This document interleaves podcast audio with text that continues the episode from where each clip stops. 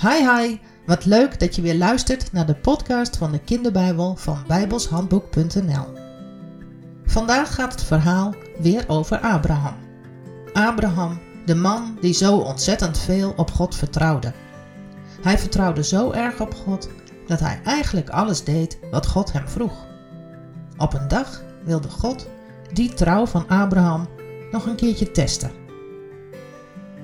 God riep Abraham en zei tegen hem: Abraham, roep je zoon Isaac, jouw zoon van wie je zoveel houdt. Ga met hem naar het land Moria en daar ga je naar een van de bergen die ik je aan zal wijzen. En daar op die berg moet je een altaar bouwen en daarop zal je je zoon Isaac moeten offeren. Hé, wat? Moest Abraham zijn eigen zoon offeren? Isaac? Dat kan toch niet? God had toch beloofd dat er uit Isaac een groot volk zou komen? Dan mocht hij toch niet gedood worden? Abraham begreep er helemaal niks van en hij werd heel erg ongerust. Niet mijn geliefde zoon Isaac, dacht Abraham. En toch, toch stond hij de volgende morgen vroeg op. Hij hakte hout voor een brandoffer en hij zadelde zijn ezel. Hij riep twee knechten en ook Isaac bij zich en vertrok toen naar Moria. Op de derde dag kwamen ze aan in het gebied dat God had aangewezen. Op de derde dag. Dat komt vaker voor in de Bijbel, hè? Dat getal is belangrijk. Probeer het maar te onthouden. Abraham zei tegen zijn knechten: Blijven jullie hier maar wachten met de ezel. Isaac en ik gaan een stukje verder naar een plek om God te aanbidden en daarna komen we terug.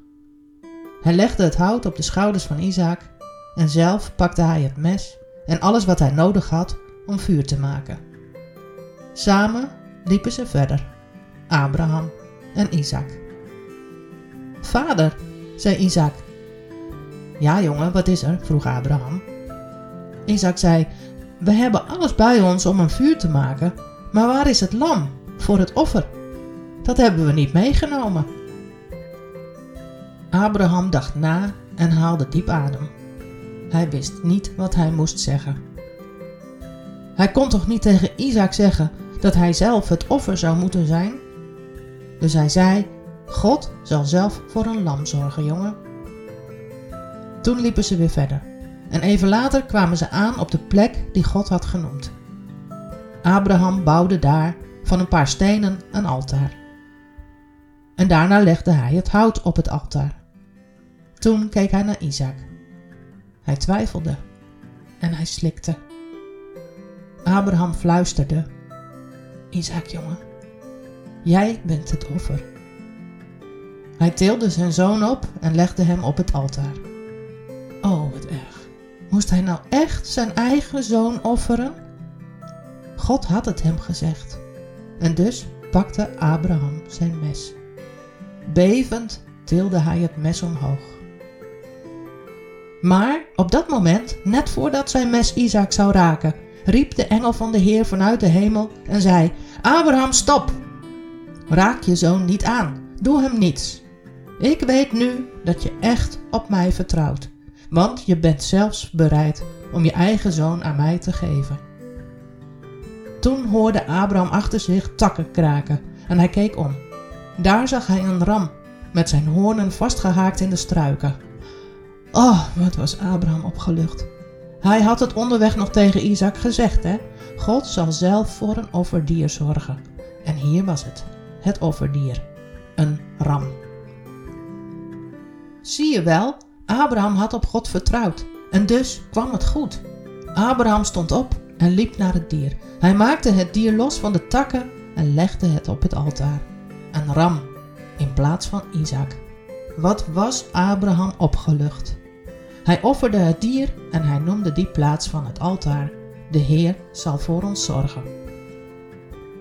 Toen hoorde Abraham de stem van de engel van de Heer nog een keer, een stem vanuit de hemel. Hij zei: Jij was bereid om jouw zoon aan mij te geven, en daarom zal ik je nog meer, nog extra zegenen, Abraham. Ik zal je rijk en gelukkig maken. Ik zal je heel veel familie geven, zoveel mensen als de sterren aan de hemel. Of zoveel als alle zandkorrels op het strand bij de zee. Zoveel dat niemand ze kan tellen. En al die mensen uit jouw familie zullen de baas zijn over alles en iedereen. En dat beloof ik je, omdat jij gedaan hebt wat ik je vroeg, omdat je steeds weer op mij vertrouwt. Daarna gingen Abraham en Isaac weer terug naar de knechten.